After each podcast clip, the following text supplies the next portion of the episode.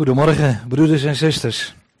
Ik weet niet hoe het u vergaat, maar ik ervaar het een beetje als een feest om elkaar weer uh, te mogen ontmoeten. We hebben elkaar, velen van u, zo lang niet uh, kunnen zien. En wat is het dan uh, geweldig om elkaar weer ook fysiek te mogen ontmoeten. En ja, ook met elkaar dat rijke woord van God te gaan openen. Ik ga even kijken naar mijn apparaat, dat dat goed gaat. Nee, dat ga ik niet gebruiken. Ik dacht, dan hou ik de tijd in de gaten.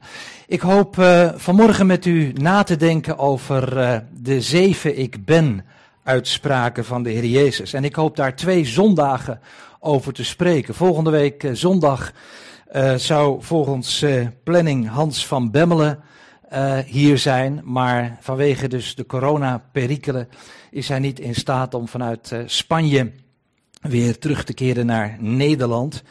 En uh, vandaar dus dat ik uh, door deze omstandigheden dan twee zondagen achter elkaar hoop te spreken. En uh, u ziet, ik moet nog, nog helemaal wennen, want ik merk dat ik mijn bril vergeet. Dat heb je dan, hè? Zo kan ik zien wat ik zeg. Ja, uh, de zeven ik ben uitspraken. Dus uh, we hopen vanochtend de eerste vier daarvan te spreken. Het zijn de zeven in totaal. Vanmorgen hopen we dan stil te staan bij dat de Heer Jezus zegt, ik ben het brood des levens, ik ben het licht der wereld, ik ben de deur der schapen en ik ben de goede herder. En dan volgende week hopen we bij de laatste drie stil te staan. Ik ben de opstanding en het leven. Ik ben de weg, de waarheid en het leven. En ik ben de ware wijnstok. Nou, zoals gezegd, we hebben wat beperkte tijd. Uh, en ik hoop dat deze studie vooral u ook mag aanzetten om met dit thema ook verder te gaan. Misschien ook in uw stille tijd of ja, bij gelegenheid dat woord daar is verder op uh, uit te diepen. De Heer Jezus die zich bekend maakt als de Ik Ben. En dat doet hij met name dan in het Johannesevangelie. Daar vinden we deze zeven Ik Ben uitspraken. En dat hoeft ons eh, op zich niet te verbazen, omdat, hebben we al eens vaker gezien, het Johannes, Johannes echt de nadruk legt op de godheid van de Heer Jezus. En zo zien wij ook dat de Jezus, als hij zegt, hè, ik ben het brood des levens of ik ben het licht der wereld, dat eigenlijk in het Grieks daar staat, ik, ik ben. Het Grieks, zijn werkwoord, heeft geen uh, persoonlijk voornaamwoord nodig. Dat ligt eigenlijk al verdisconteerd in het werkwoord zelf. Um, maar je ziet dus dat die ik daar wel voorgezet wordt. Dat persoonlijk voornaamwoord voorgezet wordt. Het is heel opmerkelijk dat dat vooral te zien is bij die ik ben uitspraken van de Heer Jezus Christus. Ik, staat er dus letterlijk, ik, ik ben het brood des levens. Ik, ik ben het licht der wereld. En daarmee, ja, onthult de Heer eigenlijk wie hij is. Daarmee onthult de Heer eigenlijk dat hij degene is die vanuit de brandende braamstruik in Exodus 3, ik denk dat we deze geschiedenis allemaal wel kennen, eh, daar Mozes de opdracht geeft om het volk uit Egypte te leiden. En dan als de Heer die opdracht aan Mozes geeft, dan, uh, dan zegt Mozes, wie ben ik? Misschien heeft u, heb jij dat ook wel eens op momenten van je leven, dat je een bepaalde opdracht moet uitvoeren of dat je in een bepaalde omstandigheden bent, dat je zegt van ja, wie, wie ben ik eigenlijk? Wie, hoe, wie, wie ben ik om dat, om dat te kunnen? En dat is eigenlijk wat, wat Mozes hier ook zegt. Het is voor Mozes, naar de mens gesproken, een onmogelijke opdracht die de Heere hier geeft. En dan is het zo mooi, als je dat, lees dat thuis nog eens voor jezelf door in Exodus 3, dat de Heere dan tegen Mozes zegt, voorzeker, ik zal met u zijn. Geweldig. Omstandigheden waar, waar wij misschien geen gat in zien, dat we dan ook ja, eigenlijk over het hoofd van Mozes eigenlijk ook deze woorden tot ons mogen nemen. Ik zal met u zijn.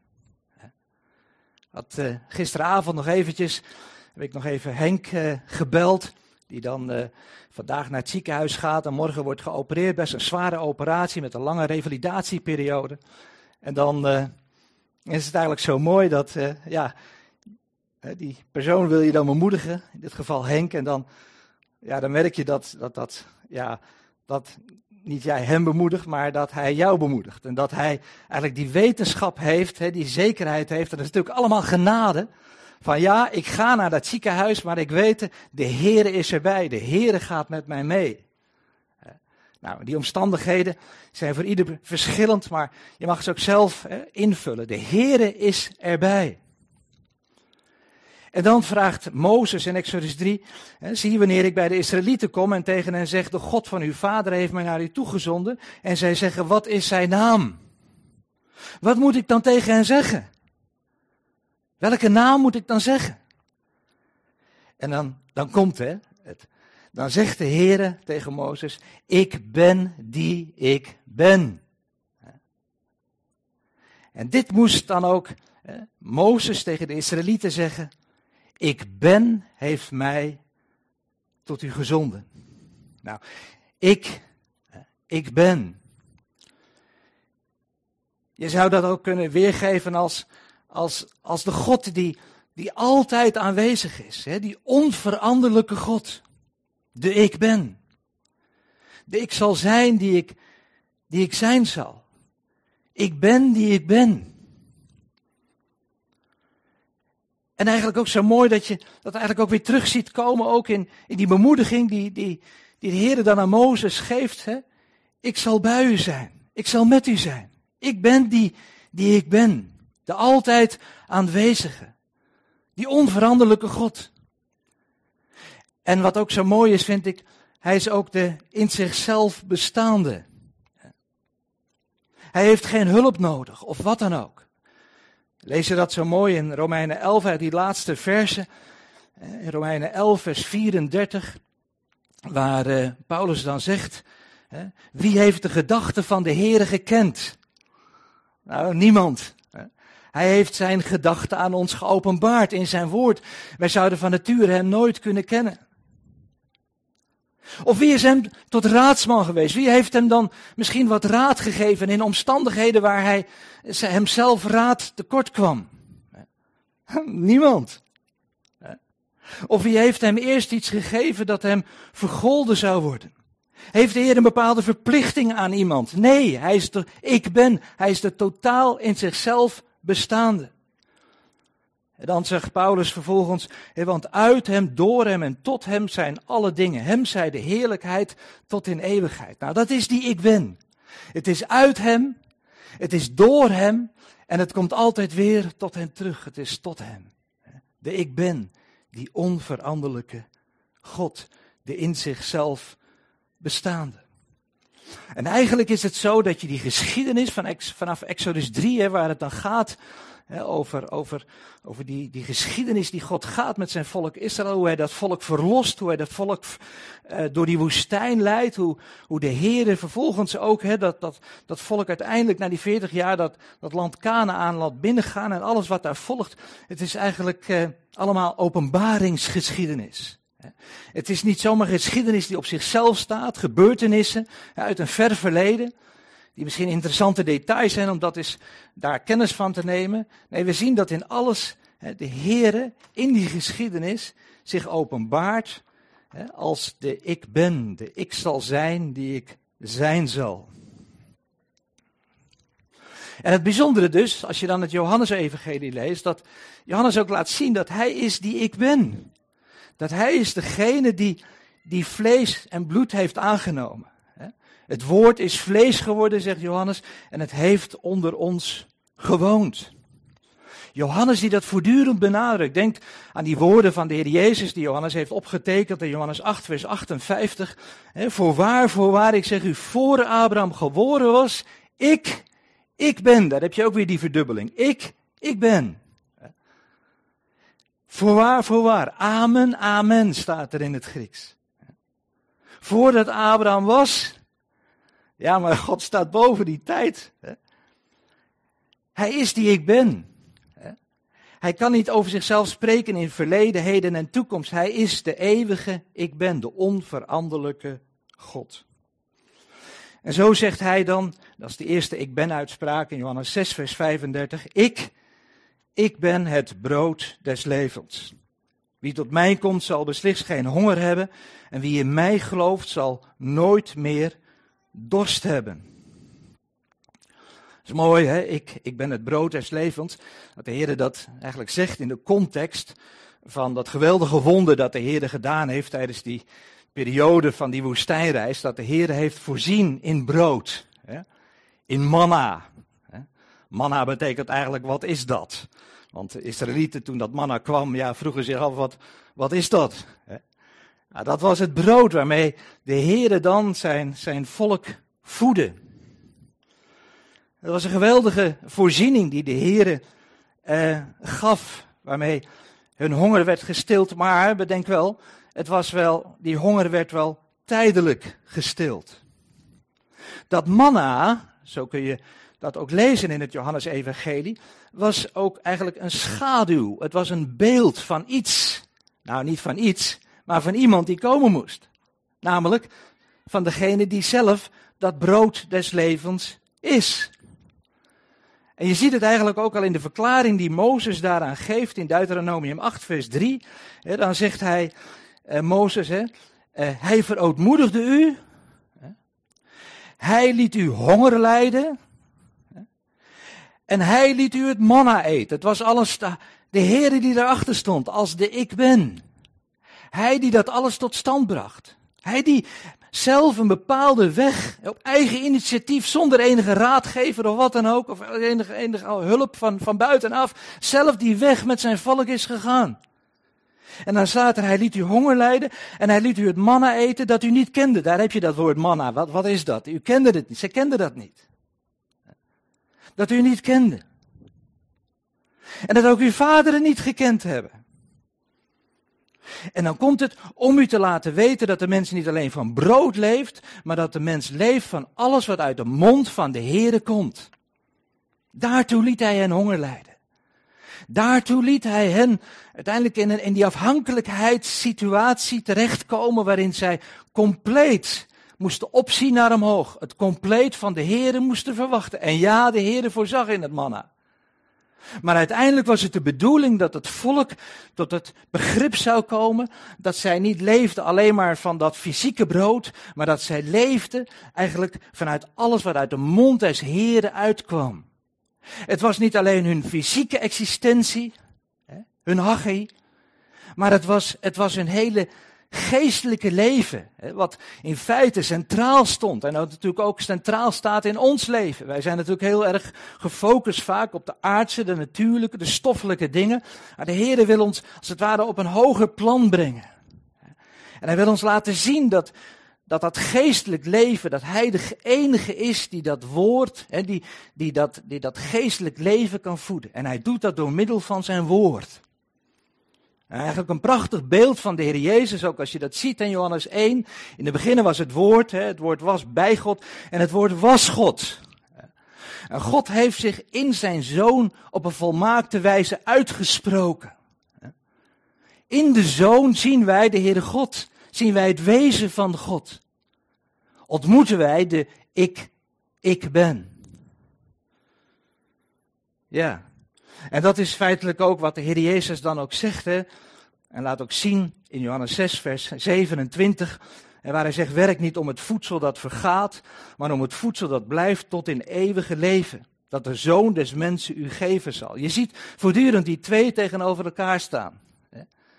Een mens heeft de neiging om alleen maar te werken voor dat voedsel dat vergaat. En natuurlijk heeft God ons daar een belangrijke opdracht voor gegeven. Maar daar moet onze focus niet eindigen, daar moet ons gezichtsveld niet eindigen. Nee, de Heer wil laten zien hè, dat uiteindelijk dat ware brood, hè, dat dat leidt tot het eeuwige leven, dat dat het eeuwige leven, wat God ons ook in de Heer Jezus Christus geschonken heeft, dan ook op een heerlijke wijze ook wil voeden. Wat ook mooi is, is dat uh, we lezen in Johannes 6, vers 32. Jezus zei dan tegen hen, voorwaar, voorwaar, ik zeg u, niet Mozes heeft u het brood uit de hemel gegeven, maar mijn vader geeft u het ware brood uit de hemel. Want het brood van God uh, is hij die uit de hemel neerdaalt en aan de wereld het leven geeft. Johannes 6, vers 32 en 33. Wat hier zo opvalt is dat de Heer dus spreekt over het brood en dat hij spreekt over het ware brood. Zie je dat onderscheid? Dat brood, dat, dat stoffelijk brood, maar dat feitelijk een beeld is van dat ware brood. De vervulling van, van dat beeld, van die type. En dat is de Heer Jezus Christus. Hij vervult de schaduw. Hij is het wezen. En wat geweldig dat wij niet zoals de oud-testamentische gelovigen hoeven te leven onder die schaduwbeelden, maar dat wij mogen leven vanuit het kennen van het wezen, de Heer Jezus Christus, die zelf is. Ik, ik ben het brood des levens. En natuurlijk is het dan zo, laat dat duidelijk zijn, dat om dat brood des levens te kunnen zijn, wat de Heer Jezus natuurlijk ook zegt in uh, Johannes 12, dat daarvoor eerst de tarwekorrel in de aarde moest vallen. Die tarwekorrel moest sterven om vervolgens vrucht te kunnen voortbrengen. En, en zo is de Heer Jezus natuurlijk dat ware brood geworden door die weg te gaan van, van die dood en die opstanding. En in feite is het natuurlijk ook met ons zo. Die, die weg die God met ons leven wil gaan, is ook die weg van die tarwekorrel.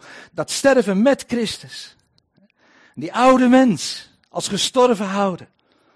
En opstaan met Hem in dat, in dat nieuwe leven. Dan, dan zullen we in Hem ook vrucht kunnen dragen. Nou, ik ben het brood des levens. Wie tot mij komt, zal beslist geen honger hebben. Wie in mij gelooft, zal nooit meer dorst hebben. Dat beslist geen en nooit meer zijn in het Grieks eigenlijk dezelfde uitdrukkingen.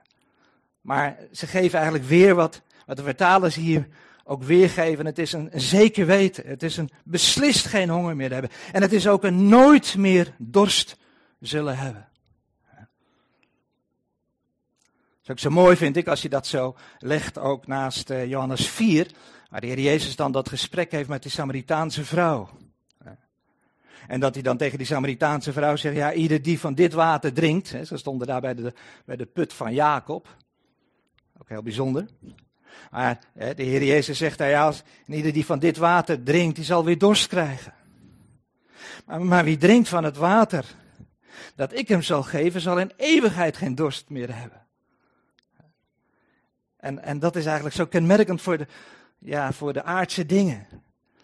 Het, het, het brengt altijd weer, het verzadigt eigenlijk nooit. Het is, het is even een moment en dan, dan is het, hebt het weer weg. En dan, dan heb je weer behoefte weer aan, aan wat nieuws. Dat, die, ja, dat, dat aardse hè, eh, behoefte is eigenlijk nooit volkomen eh, te bevredigen.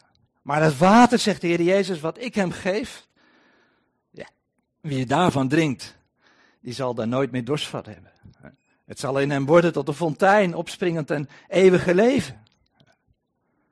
Ja. Maar goed, om dat te beseffen, heb je wel licht nodig. Ja.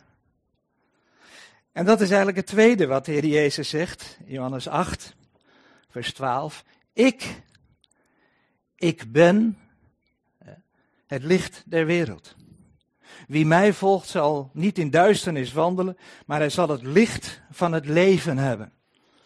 Heel mooi hè, wat de Heer Jezus hier zegt, dat hij is het licht der wereld.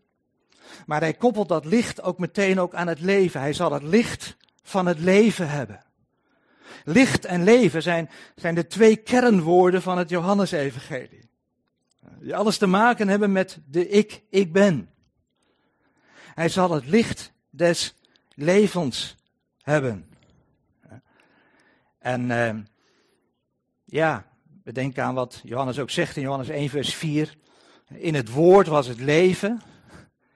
En het leven was het licht van de mensen. Dat licht, dat ware licht, komt voort uit het leven. Uit dat eeuwige, onvergankelijke leven.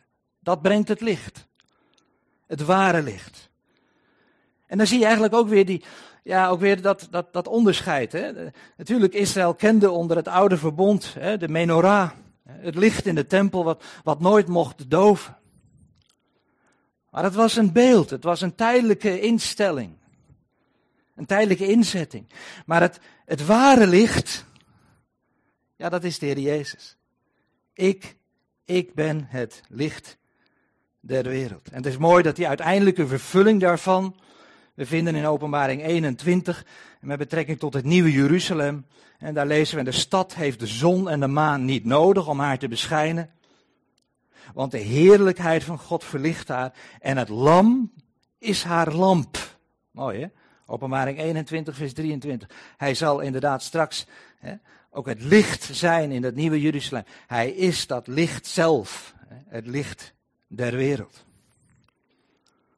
Nou, nogmaals, de tijd ontbreekt ons om een beetje de context uh, erbij te lezen. Maar ik zeg het maar, uh, daarom even erbij. De, de context waarin de Heer Jezus dat zegt was dat er een vrouw op overspel was betrapt. En, uh, en de, naar de mening van de fariseeën die vrouw gestenigd moest worden. En dan is het zo bijzonder dat, dat de Heer dan zegt, nou ja, oké, als je zonder zonde bent, nou, laat, wil jij dan als eerste dan maar die steen werpen? En dan druipt eigenlijk iedereen af. Niemand is zich op dat moment ervan bewust dat die zonde zonde is. Dat hij gerechtigd is om, om die steen naar die vrouw te werpen. Wat eigenlijk wel naar de wet zou moeten. Er was er maar één die dat had kunnen doen. En dat was de Jezus. Hij is zonder zonde. Maar hij deed het niet. En waarom niet? Ja, dan komen we eigenlijk toch weer uit bij, bij de wijze waarop wat Johannes de Jezus schildert. Hè?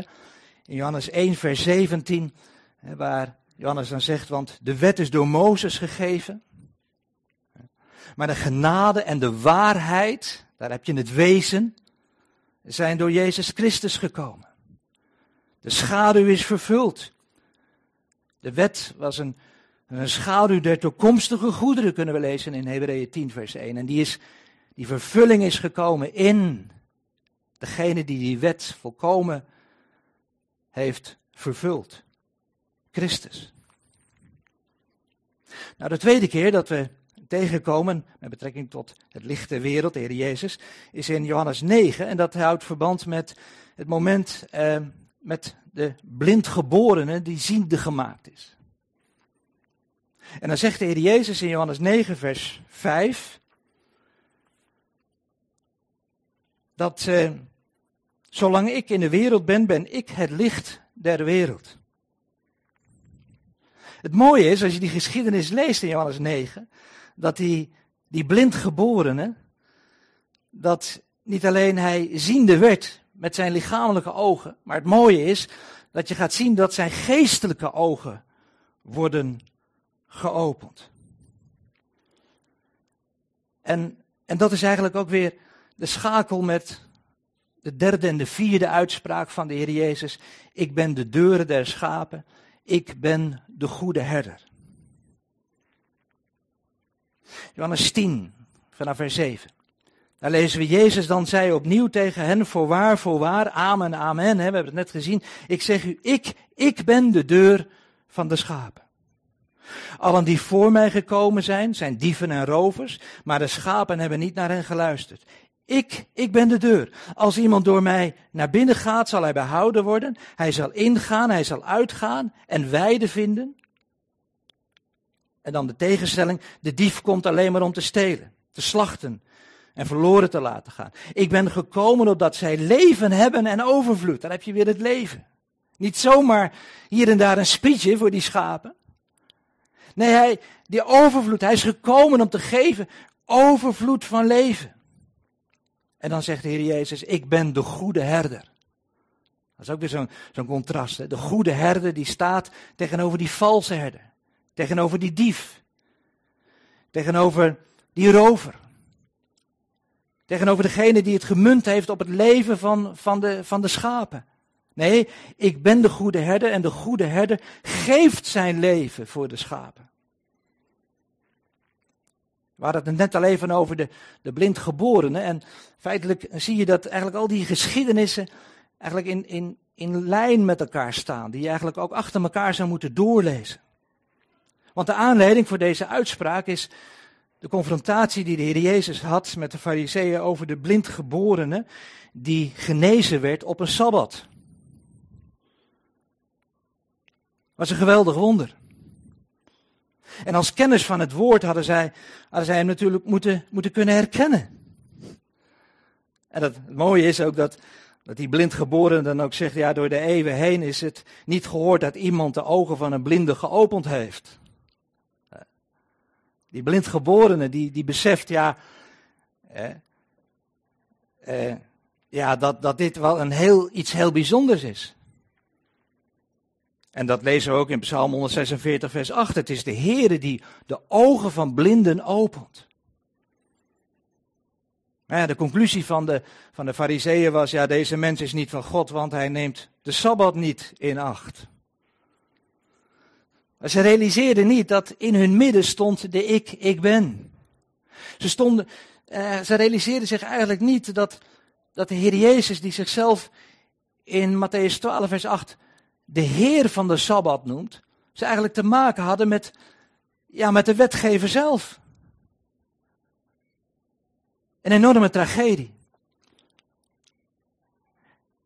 En dan zegt de Heer Jezus, ja, maar ik ben de deur. Als iemand door mij naar binnen gaat, zal hij behouden worden en hij zal ingaan en hij zal uitgaan en hij zal weide vinden. We hebben net al even gezien die, dat verband die er ligt tussen de deur en de goede herder die zijn leven geeft voor zijn schapen. We zagen dat net ook al met het brood des levens. Dat eerst, om het brood des levens te kunnen worden, eerst die dood in moest. Die tarwekorrel die in de aarde moest vallen, die moest sterven. En zo zie je hier ook het verband tussen de deur, waardoor de mens naar binnen moet gaan, om behouden te worden, en de goede herder die, die dat mogelijk heeft gemaakt, die zowel de herder is als ook de deur, omdat hij zelf ook zijn leven gegeven heeft voor de schapen. Ook mooi dat je leest, ook in Johannes 10, vers 18, niemand neemt het mij af, dat leven, maar ik geef het uit mijzelf en ik heb macht het te geven en heb macht het opnieuw op te nemen. Daar zie je ook weer de godheid van de Heer Jezus. Hij had macht het af te leggen. En maar als de zoon van God had hij ook weer de macht om het leven opnieuw op te nemen. Alles spreekt, getuigt van de ik, ik ben. De ik ben die ik ben. Of de ik ben die ik zijn zal. Nou, tot slot. Wat mij opvalt is dat eh, de Heer Jezus zegt over diegene die dan door die deur naar binnen gaat. Dat hij dan vervolgens zegt, hij zal ingaan en uitgaan en weide vinden. Ik heb op de kleuterschool altijd, of op de zondagschool altijd geleerd dat de Heer de schaapjes in de stal bracht. En, en, en daar is het goed, daar is het veilig. En toch is dat maar een deel van het verhaal. Ja, inderdaad, de Heere brengt de schapen in de stal. Hij kent de zijne. Hij kent zijn schapen en de schapen kennen hem. En de schapen kennen zijn stem. Dat is heel bijzonder, hè? Ze horen naar zijn woord. Het geloven is het gehoor en het gehoor is door het woord van God. Maar het is niet alleen dat het blijft bij die stal. Je zou kunnen zeggen, het is eigenlijk best wel geriefelijk in die stal. Of niet? In die stal kun je niet verdwalen. En ik denk wel eens dat het voor ons als christenen wel eens heel verleidelijk zou kunnen zijn om gewoon in die stal te blijven. Gewoon leven met, met, met een aantal regeltjes. En, en als je dat doet, nou weet je, dan, dan ben je een goed christen, dan, dan, dan is het wel in orde. Maar er is verschil tussen religie en relatie, als je begrijpt wat ik bedoel. Wat de Heere wil, is dat hij die schapen naar buiten brengt. Dat hij die schapen vervolgens brengt in die weide. En dat hij vervolgens die schapen als de herder, de ware herder, de goede herder voorgaat. En dat die schapen leren luisteren naar zijn stem. Dat staat er ook. En wanneer hij zijn schapen naar buiten gedreven heeft, Johannes 10 vers 4, gaat hij hen voor en uit en de schapen volgen hem omdat zij zijn stem kennen. En dat, daarmee zou ik eigenlijk willen eindigen. Zowel voor u, voor jou, maar ook voor mij. Zijn wij alert op de stem van de Heer. Het zo mooi dat, dat Gabor met Pinkster gesproken heeft over het werk van de Heilige Geest in ons. Die geest die leidt. Die geest die ons de weg wijst. Is eigenlijk alles verbonden ook met, met die stem die we mogen horen. De stem vanuit zijn woord. De stem in het dagelijks leven. De stem van de goede herder. In die vrijheid waar God ons gesteld heeft. In die, in die rijkdom van, van, die, van, van die overvloed van het leven dat hij ons wil schenken. Afhankelijk te zijn en te luisteren naar die stem. Of zeggen we, laat mij maar in die, uh, laat mij maar in die stal. Ik vind het prima. Het zo mooi dat, dat, dat Paulus zegt in, in Galaten 4, hè, uh, dat hij dan zegt dat in de volheid des tijds hè, heeft uh, God zijn zoon uitgezonden. Uh, toen de volheid van de tijd gekomen was, zond God zijn zoon uit, geboren uit een vrouw, geboren onder de wet, om hen die onder de wet waren vrij te kopen, opdat wij de aanneming tot kinderen zouden zijn, zouden ontvangen. Nu, omdat u kinderen bent, zegt Paulus, heeft God de geest van zijn zoon uitgezonden in uw harten. Die roept Abba Vader. Wat een rijk leven is dat. Natuurlijk, we zullen daar de volgende keer ook nog wel even op terugkomen. Het zijn vooral ook woorden die God hier spreekt. In de Johannes-evangelie, nou, ja, de, de relatie tussen, tussen, tussen de herder en de schaap is natuurlijk vooral een beeld tussen God en zijn volk Israël. Maar we hebben vaak gezegd ook tegen elkaar, natuurlijk mogen we ook deze dingen ook, ja, ook, ook toepassen op ons persoonlijk geestelijk leven. En God heeft ons de geest van het zoonschap gegeven. En het is die geest zelf die roept Abba Vader. Misschien heb je er wel eens moeite mee en dan denk je bij jezelf, ja, maar, wie ben ik? Denk aan de woorden van Mozes. Wie ben ik? Hij zegt, Heer, ik heb, je bent een geliefd kind in de Heer Jezus Christus. Je bent mijn eigendom. Ik heb je jou mijn geest gegeven. De geest van het zoonschap, die roept Abba Vader. En het is aan ons om met de Heer ook inderdaad te ontdekken wat God ons geschonken heeft. Want uh, ja, laten we niet vergeten, als we weer terugkomen op, op het volk Israël. Ze moesten uiteindelijk dat beloofde land in. Maar ze moesten dat beloofde land ook zich eigen maken. Het lag voor hen open. De Heer zou met hen meegaan. De Heer zou voor hen strijden. Alles was gereed. Ja, toch waren er tien die zeiden, ja, laat ons maar gewoon in dat, uh, in dat land blijven. Of in, de, in, in die woestijn maar blijven, want, want het is te moeilijk om dat land binnen te gaan. Weet je, soms is bijbelstudie best wel eens moeilijk. Er zijn er best wel dingen waarvan je zegt, nou hoe zit dat nou? Maar weet je, laat je niet ontmoedigen. We mogen groeien, stap bij stap. En steeds weer ontdekken van datgene wat, wat God ons in zijn liefde zo gegund heeft om te geven. Te leven uit dat, dat opstandingsleven van de Heer Jezus Christus. En te luisteren inderdaad en geleid te worden door de stem van de goede herder. We doen met de kinderen wel eens een spelletje, ik heb dat misschien wel eens vaker gezegd. Hè, van dan doe je je ogen dicht en dan mag er één wat zeggen.